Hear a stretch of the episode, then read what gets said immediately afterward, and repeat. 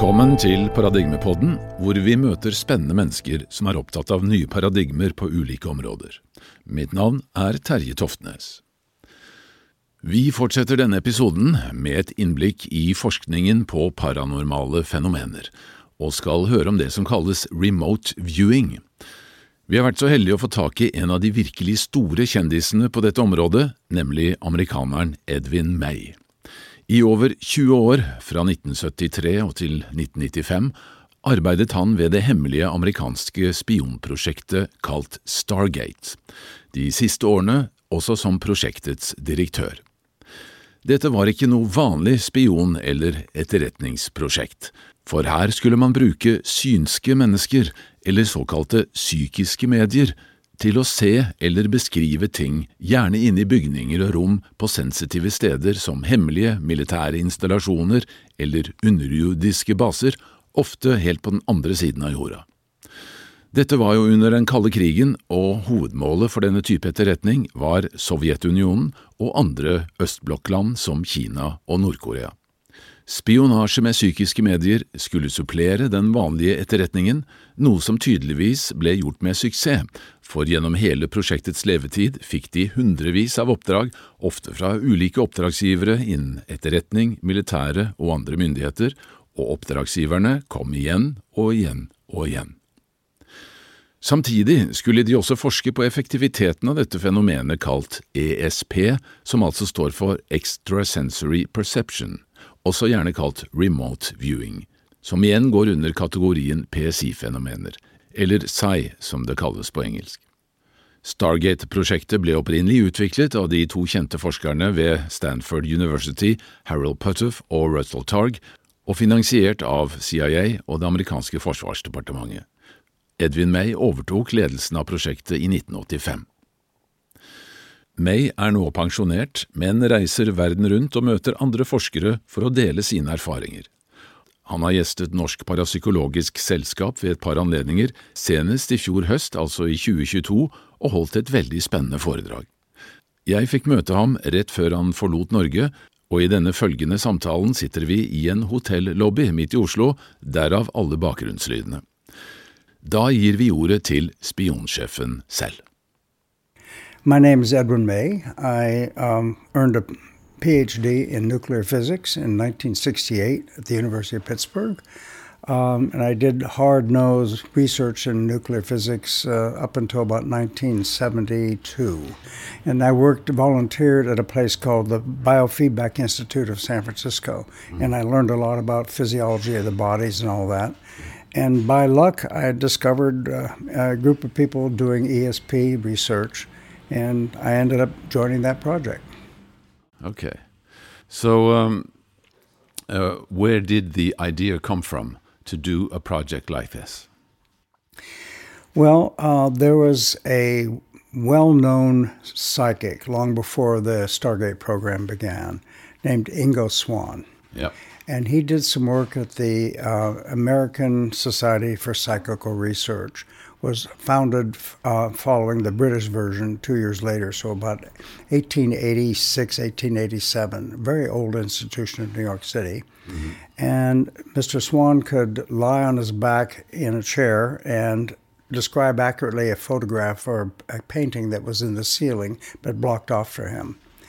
And I don't know how the CIA found about it, out it, but they said, well, if this is real, and we doubt it, uh, we need to check it out. So the CIA contracted Dr. Puthoff and Mr. Targ to have, fly Ingo out to um, California and test him. And but, sure but enough, Puthoff and Targ were, were at Stanford. And they, they were they were at Stanford uh, Research Institute called uh-huh. SRI International, and they brought them out, and sure enough, he could do it under very strict conditions. Mm-hmm. And that's what started it. Okay.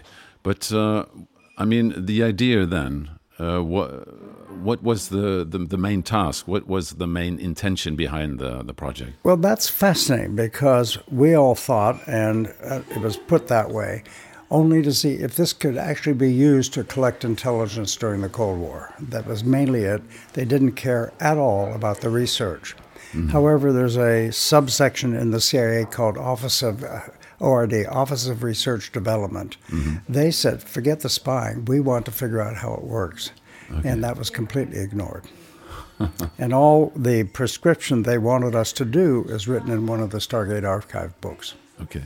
Why were you picked to lead this project? Myself, you're talking about. Yeah. Uh, I inherited because the two former leaders left, and uh, so I was promoted that way. Okay. Okay. That's pretty nice. yeah. and then the name Stargate. How did that come up? Uh, those are called nicknames. Uh, the reason people have, and the government has nicknames for these very secret projects, is so we could call up uh, somebody in Washington and say, I'm coming to town and I want to talk about uh, XYZ, some sort of nickname. Mm-hmm. And that meant the other person we would be talking to in Washington would know, oh, they want to come and talk about this other secret program. So there was uh, a whole list of names like um, uh, Grill Flame and uh, Sunstreak and things like that. And uh, the, one of the names uh, was told to me when we were coming out of the Pentagon, uh, Quantum Leap. And quantum I complained leap. bitterly about that because a quantum leap project is the smallest possible project but none.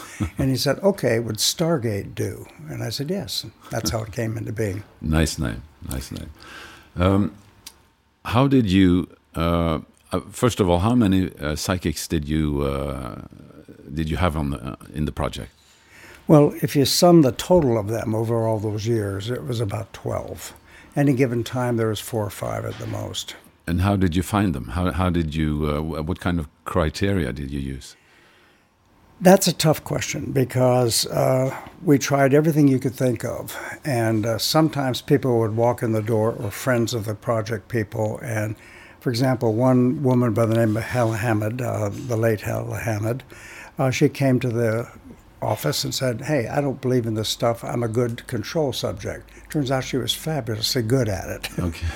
now, that was rare. Uh, most of the time, what we do is um, bring people into an auditorium and have them be psychic by remote viewing some picture and take the few best of those and study them in the laboratory. And something like 2% of all the people we looked at met laboratory standards of being damn good psychics. But I mean, were they people who already had a reputation as a psychic? No, uh, we avoided them like, uh, like they were had some horrible disease. Why? why?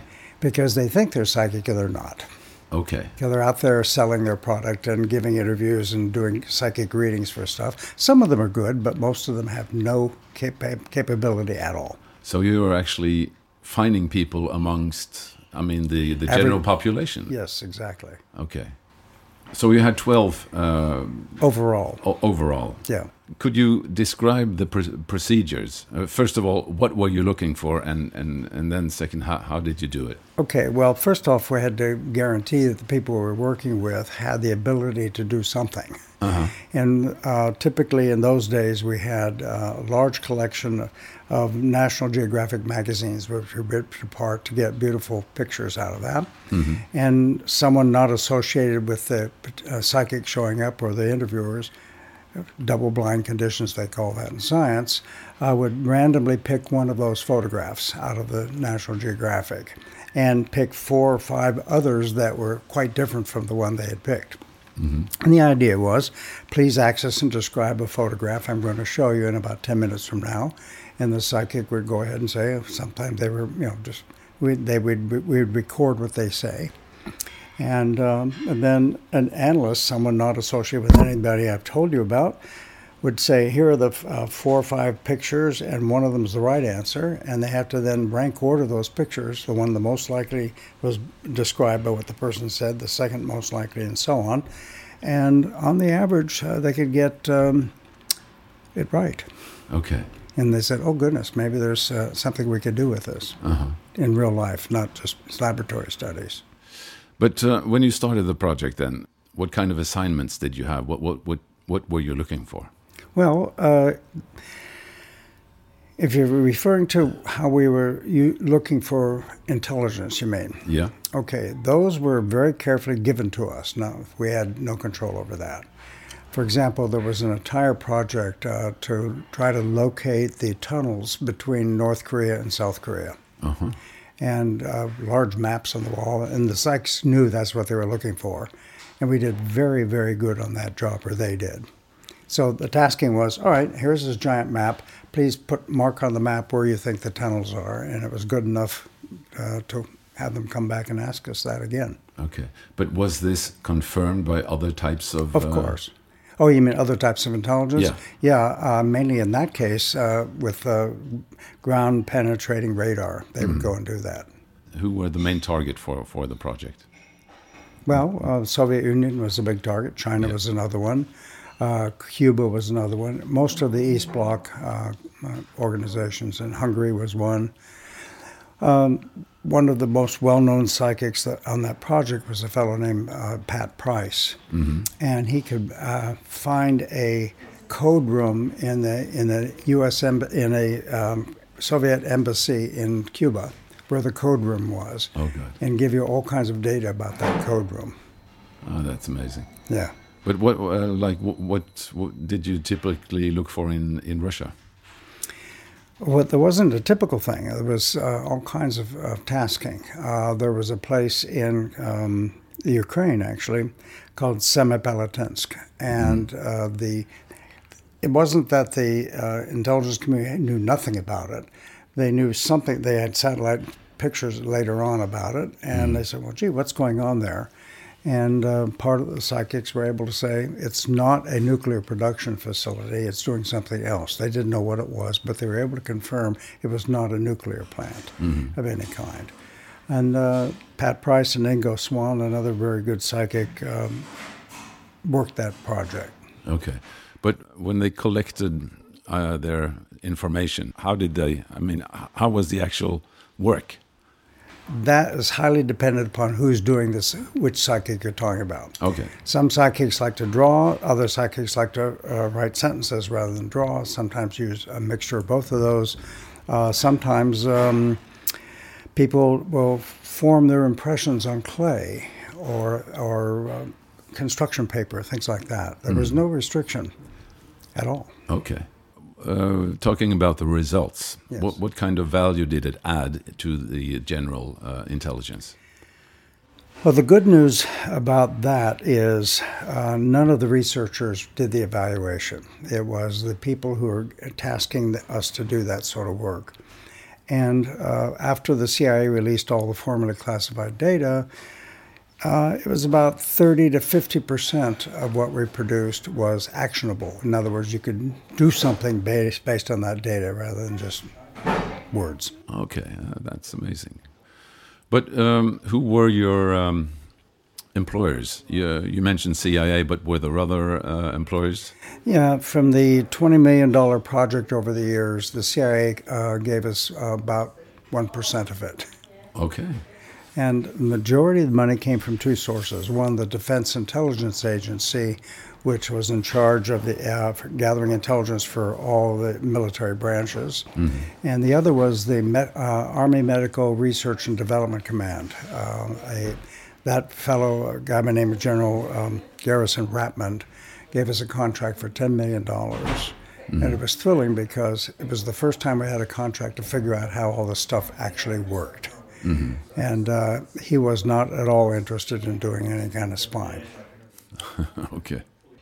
But were there other types of tasks that you used uh, the project for? I mean, were you looking for like criminals or, or drug dealers or things like that? Not early on. I mean, because the Cold War was really running, wasn't too cold, it was really hot. Yeah, yeah. And uh, the, uh, the U.S. was really concerned about to try to prevent any kind of nuclear exchange and all that.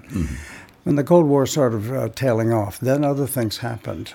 Actually, uh, back up early on, um, long before I joined the project, there was a kidnapping of a very well known uh, woman uh, um, who was the daughter of Hearst. Oh yeah, yeah.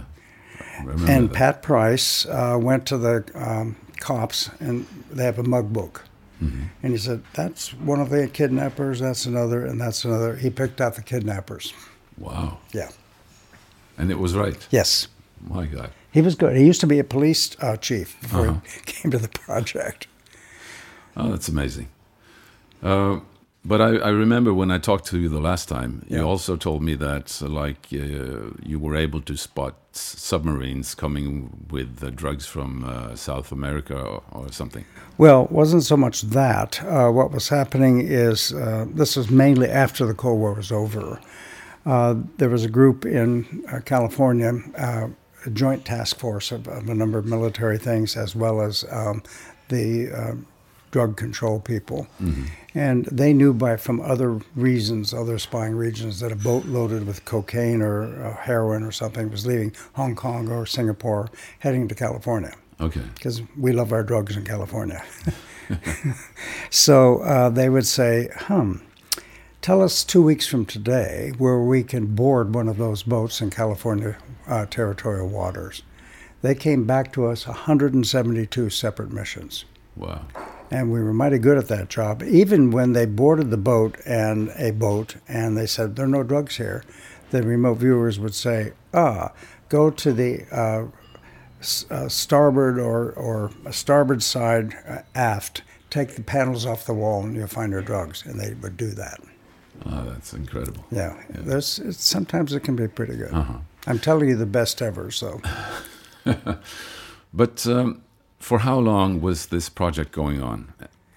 it started uh, basically at the end of 1972 and it lasted till the end of 1995. Okay, so m- more than 20 years. then. Yes. Yeah. And uh, why did it end? Well, uh, there's a, a bit of a story there. Uh, after the Cold War, uh, the CIA still had this huge budget, which they didn't need all of it. And so they were saying, okay, um, you have to slim down a bit because the people, the financial people, politically in Congress would say, hey, wait a minute, what's going on? What you have to do is cut out a whole lot of smaller programs. Okay. And if you don't, we will close the CIA. That's Wow. their words, not mine. Wow. And it's published in one of our in the volume four of the Stargate archives. But if you don't believe that, you can go online and dig it out of their Freedom of Information Act site. Oh, hmm. Oh, So, but but now you you, you mentioned the Stargate archives. Are they? Have you published all the uh, the reports that you made? Yes, uh, from 2000 to 2003, the CIA released over 11,000 documents and that were formally classified. And a colleague of mine in India and I spent six years putting together four large volumes. First volume is uh, the release data about the remote viewing project, which has you know, it would put you to sleep trying to read this stuff because it's pretty geeky. Yeah. Um, has charts and graphs and all, all the protocols and what have you. And then the second volume is the same thing in the second decade. The third volume is all the work that we tried on mind over matter, psychokinesis. Okay, We couldn't make it to work you couldn't. could not. And fast and lastly, volume four is uh, uh, all documents. Most of the documents produced by the government themselves had nothing to do with the contractors. We had nothing to say about that. Okay. A lot of work. Each of those each of those books are somewhere between 650 and 750 pages. And they are actually available for for the public. You can buy them at $100 a piece on Amazon. Okay, that's interesting. But um, let's uh, talk about um, your colleagues in the uh, USSR. Okay. Okay, because you told me that that you actually uh, have uh, established a contact with uh, the people in the in the Soviets who was doing exactly the the same thing. Yes. Yeah, could you tell me a little bit about that? It turns out um, I traveled four times to uh, Russia with a woman named Larissa Vilenskaya, and she was uh, worked in, formerly in the classified Russian labs on parapsychology. Why they let her out of the country, I have no idea, but I'm glad they did. Okay. Uh, she settled in Israel before she came to the U.S., and uh, I was part of the debrief team when she came to the U.S. to say, okay, what's going on? Long story short, she became an American citizen and had a clearance and worked in our lab. And I traveled with her for those four times to Russia. And um, she introduced me not to the military guys, because I don't think she knew. And uh, one of them was a, a well known um, uh, information scientist by the name of uh, Ippolit Moseyevich Kogan. And I got to meet this guy, really nice guy.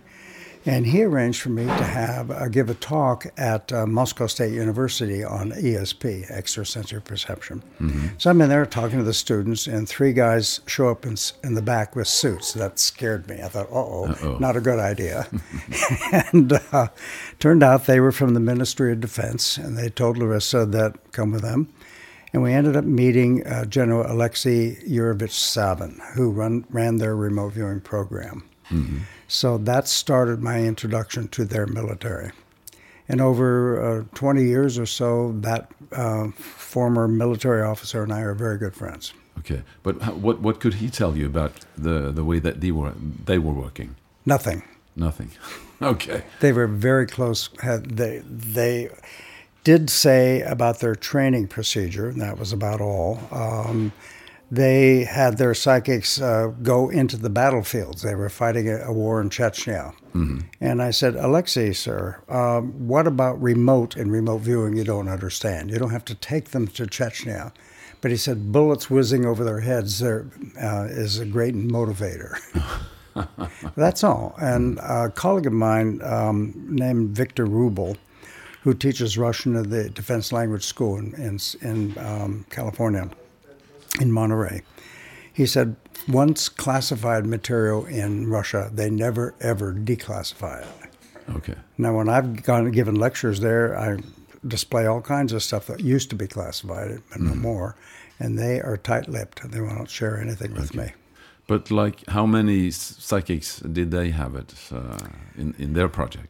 Uh, about 120 psychics they had. We okay. had roughly 12. okay. So they, they took this job really seriously. Uh-huh. Now, what, what's interesting is they had the same problems we had in terms of raising money. So they were using us as a potential threat to raise money, and we were using them as a potential threat to raise money, and we both laugh about it now. Win-win situation. Yeah. okay. Okay. Are the Russians uh, in the forefront of doing research on, on psychic abilities? They think so, but they're not. Okay. Uh, and that's a really interesting reason. I'm not sure. There are obviously very good scientists there. Uh, like in China, there are good scientists there, but the ESP researchers in both those countries are terrible. They're literally awful mm-hmm. compared to what's going on in the West. But uh, let's talk a little bit about the um, the phenomenon yes. of uh, of uh, using psychic abilities. Um, I mean, you have been working with this for so many years. Mm. what is your explanation to how this really works? Uh, a very famous neuroscientist, David Eagleman, said the three most important words of all of science are I don't know. okay. okay. So, how this works, I'd love to know. We've got some ideas that can be tested, but we don't have a formal theory. Well, that's not quite true. Um, my colleague and I put together a theory. It says, all right, how would information get from someplace in India that's being developed randomly tomorrow? How does that information come to here now?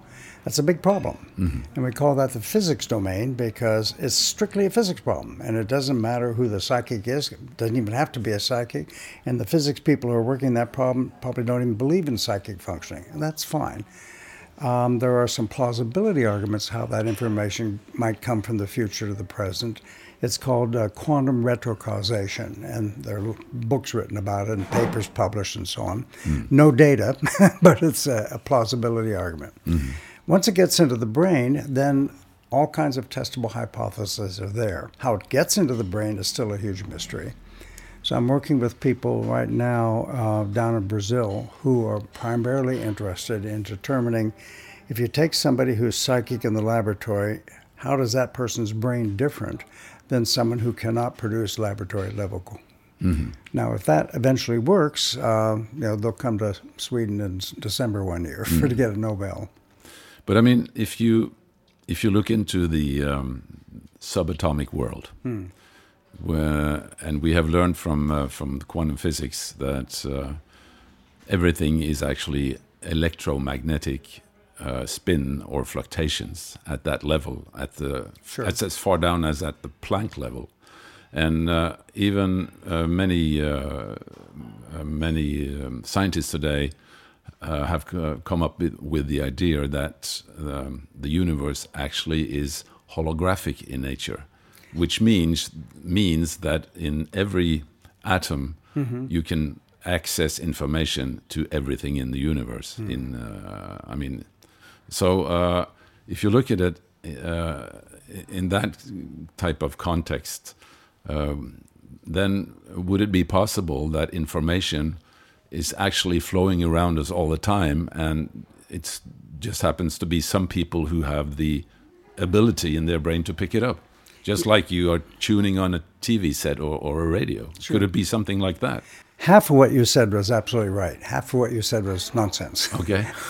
um, in terms of um, the the um, metaphors of quantum mechanics are really compelling. Uh, but uh, there are people, neuroscientists and physicists, have looked at there clearly everything with atoms, as, as you pointed out, the laws that govern all those atoms that move are quantum theory quantum, quantum mechanics understands them. However, that's not the part of quantum mechanics that would account for what we're talking about. The brain has to be a collective quantum device, mm-hmm. and it's not. And there are people looking at that as no way. For example, you have one neuron here and another neuron here, and they're entangled, the magic word. Yeah, yeah. Okay, that's really cool. Mm. How long does that entanglement last? Decimal point, 17 zeros and a one mm. seconds. Mm. So it does, and the next the next molecule, the next uh, um, uh, neuron down the, the chain doesn't even know about it. Okay. So the brain does not have a wave function that somehow pops out of its head and you know goes across the planet and do stuff.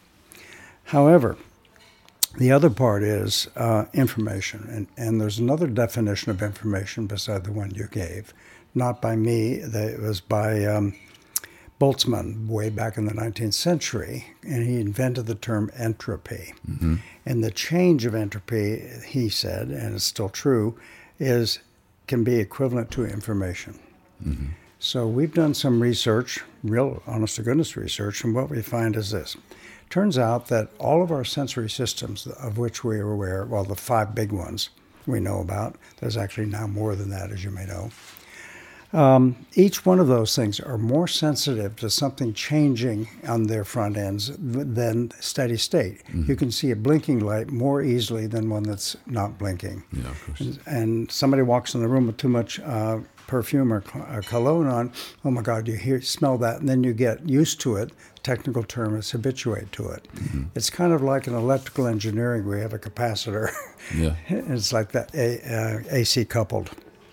Well we argued that if the S in extrasensory perception was sensory, then there must be something that ESP works better when something is changing than when it is not. So we set out to try to find what that was, and we found it. Okay. And that is the change of entropy. It correlates very strongly with the output of how good remote viewing can be, but the entropy does not. So it strongly suggests that that extrasensory perception is right. It is a perception, and our job now neuro- neuroscientifically is to figure out what the sensory mode system in the brain is like. We haven't gotten there yet. Okay. But when you're talking about entropy, mm-hmm. um, the way I understand it is that things kind of are falling apart or yeah, it's true. Yeah, from uh, coherence to uh, decoherence. By definition, yes. Okay. So how does that work? Yeah. okay, that's a good question. Turns out that the arrow of time, uh, if you uh, drop an egg on the floor and it splatters, no one would think time is going the other way, that the egg, splattered egg assembles itself and you end up with a nice egg, right? Mm-hmm. And that sort of dictates very hard that that looks like the, a single direction of the or, of time. time. Yeah. However, uh, the second law of thermodynamics um, suggests that you can reverse that. And uh, we're still working. I'm not a good theorist, I'm an experimentalist, so some people much smarter than I are looking at uh, the changes of entropy, how one, that carries information. Uh, from distant places and how that might be an entropy wave of carrying the information from the target system to the participant. Mm-hmm. Okay. It's all speculation at this point. Yeah. But um, anyway, um, the phenomenon of uh, non-local entanglement. Mm-hmm. I mean, it was I've I've uh, heard about the experiments of uh, Alain Aspect, who uh, actually won the Nobel Prize in, in physics now this Mm-hmm. year. Uh, he he discovered that. Uh, well, he was one of the people who discovered that back in the 1980s, I think. That if you if you have these photons, uh, Mm-hmm. these twin photons going in uh, di- in opposite directions, and if you uh, put spin on one of them, the other one will do the same thing, just the opposite way. Yes. Uh, and uh, uh, and it, the distance doesn't have anything to say. It could be on the west coast and the east coast of the of the U.S. But I mean, these phenomena tell us, uh, or I mean, indicates that uh, there must be some type of information field or uh, information system that we have not yet uh, discovered. Um, What do, you, what do you think about that that? uh, category of experiments is called the Einstein-Podolsky-Rosen. Yes. And uh, the largest distance between photons that have done that is done in China. They uh, beamed the things up to a satellite and came back down and they, they found it. Now, on the one hand, it sounds very mysterious, but on the other hand, I'm going to tell you that it's massively simple. Okay. Uh, I'm going to resort to a very well known physicist, um, Newton.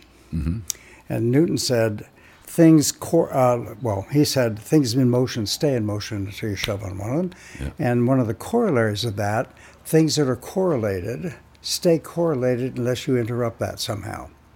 Suppose uh, we both we, we had twins, you and I, and we take them to a swing and the, we make them correlate when one quick kid goes forward, the other kid goes forward, and back and forth, back and forth, and then very carefully we cut the swing in half and carry one from from uh, Norway to Paris and you say, okay, I know, I absolutely know when my twin goes forward, your twin is going forward.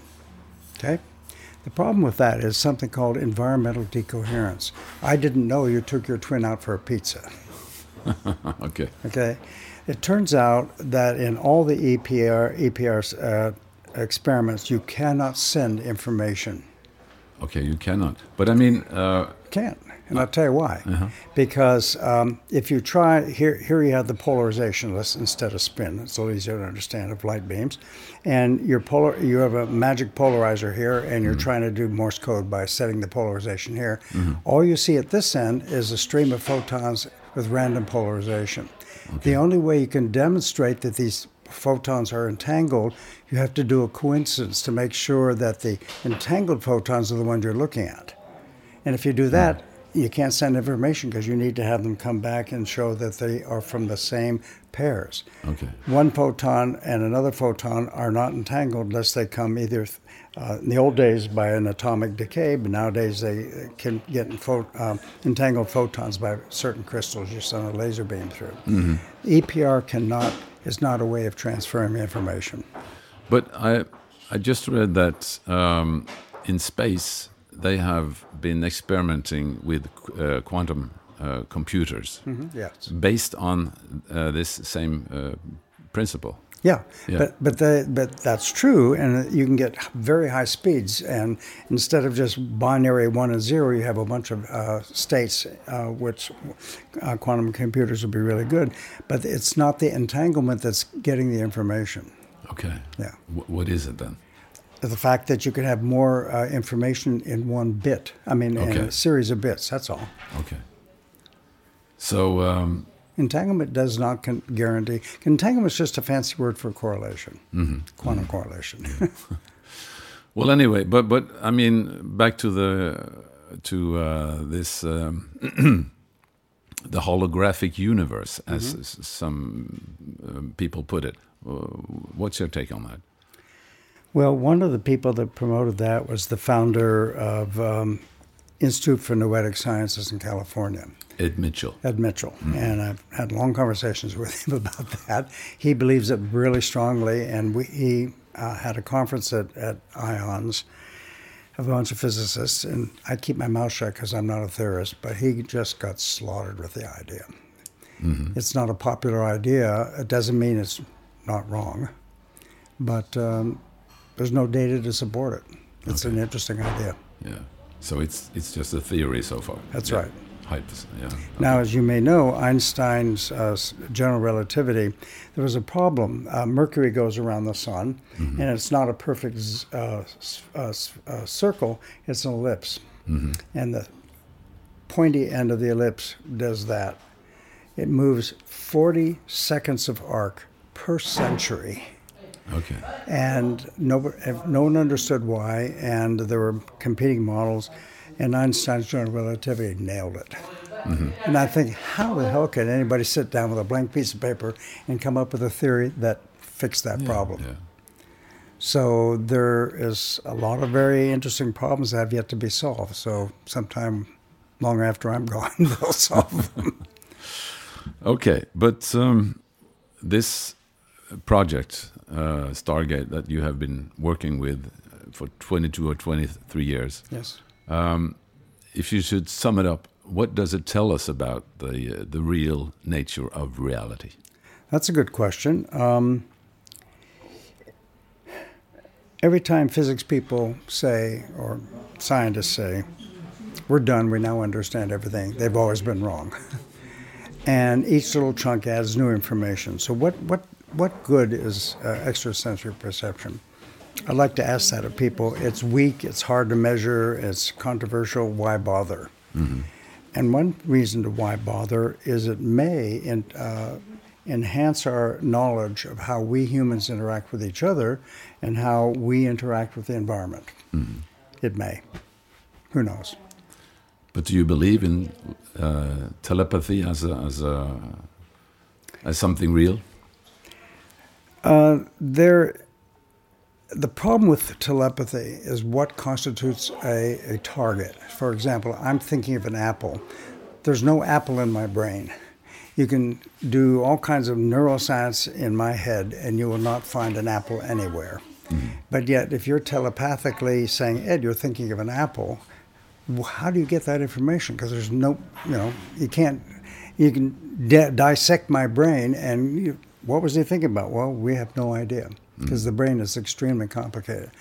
So, but yet tele- telepathic experiments appear to work. So, what the hell's going on? One answer is um, when you do a telepathy experiment, and you're all done, and the, the best example of that is something called the Ganzfeld, where um, somebody's in a mild altered state of consciousness in a shielded chamber, and someone down the hall um, is sending them by telepathy some picture. And uh, that works. Yeah. Now, the question is did, uh, the person sending, did the sender actually implant in the person's brain what they were thinking about? I hope not, because that's very damn dangerous. you know, you hope he's putting good images in your head if that's what's going on. Well, another explanation is that when you're all done and you say, okay, here's the target we were trying to send you, it could be that the person, instead of having it shoved into the brain, is looking at the answer and, the, and says, oh, you know, that was a kangaroo. Yes, I had images of a kangaroo. Okay. Yeah. It's called we're looking into the answer book at the end of the trials. And we, so one last thing, uh, there was an experiment at Edinburgh University in the Koestler unit, which was set up by Arthur Koestler, the well-known writer from Hungary. Uh, and it's a 100% a Psi research facility now at Edinburgh. And they did an experiment to say, okay, let's let's explore the idea of a sender. So they had uh, three types of senders. One, when the the subject, the participant, would bring their own pal. Another one, a sender would be uh, randomly assigned by somebody in the lab and didn't know the sender at all, uh, the participant. And lastly, there would be no sender. Hmm. And that was a blind condition. So the person, uh, everybody involved in the experiment didn't know what was happening. And it turns out, as long as everybody maintained that blind, it didn't matter whether there was a sender there or not. Hmm. So some other process is involved in that. Hmm, now, if you took the participant and said, "Oh, by the way, we now have these various reasons," the the person they bought brought was much better in the in the communication, and they the think is that's psychosocial. You know, much more comfortable with my friend. Mm, okay. well, um, just one last question. Um, all this experience that you have been uh, a part of, mm. and all the research which is going on now, like in I, I know especially in England, mm -hmm. uh, they're pretty far uh, ahead with uh, more so than any place. Yeah, uh, where do you think this is going to take us? I know where I'd like it to have it taken. Uh, I doubt it will be, at least in short term, because the existence of this phenomena have been established statistically and everywhere else from from actually the turn of the 20th century onward. Mm-hmm. And um, even skeptics say now we don't need any more data in certain types. Now we have to figure out how it works. What I'm hoping is that we'll begin to understand the process, how, what's going on in the brain, what's going on in the physics domain. And once we understand that, um, it opens up a whole new area of understanding about how the universe works, it seems to me. And what a human being really is, maybe. Yes, he's an alien. yeah, that's. I mean, I'm joking, but it's still that's an important issue. Mm-hmm. You know, uh, and that what is different with a human being that can do this compared to another one that can't? Yeah, yeah. We don't want to go to Brave New World on this one. Definitely not.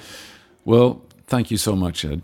My pleasure. This has uh, been uh, so interesting, and uh, I mean, you're still a young man, so I hope you have many years ahead of you, because you're doing. I mean, you're a, an ambassador for something that yeah. is so extremely exciting, and uh, the way that you share your uh, experience and your knowledge is. Uh, I mean, uh, Thank you. Yeah, we are my, so grateful for that. Absolutely. My job right now, as I see, is to replace me as a manager and find ways of replacing the good remote viewers that we have so the research can continue. Mm-hmm. So I'm playing the role of mentor to a whole lot of people right at the moment. Well, which is thrilling because it's fun working with young people like yourself.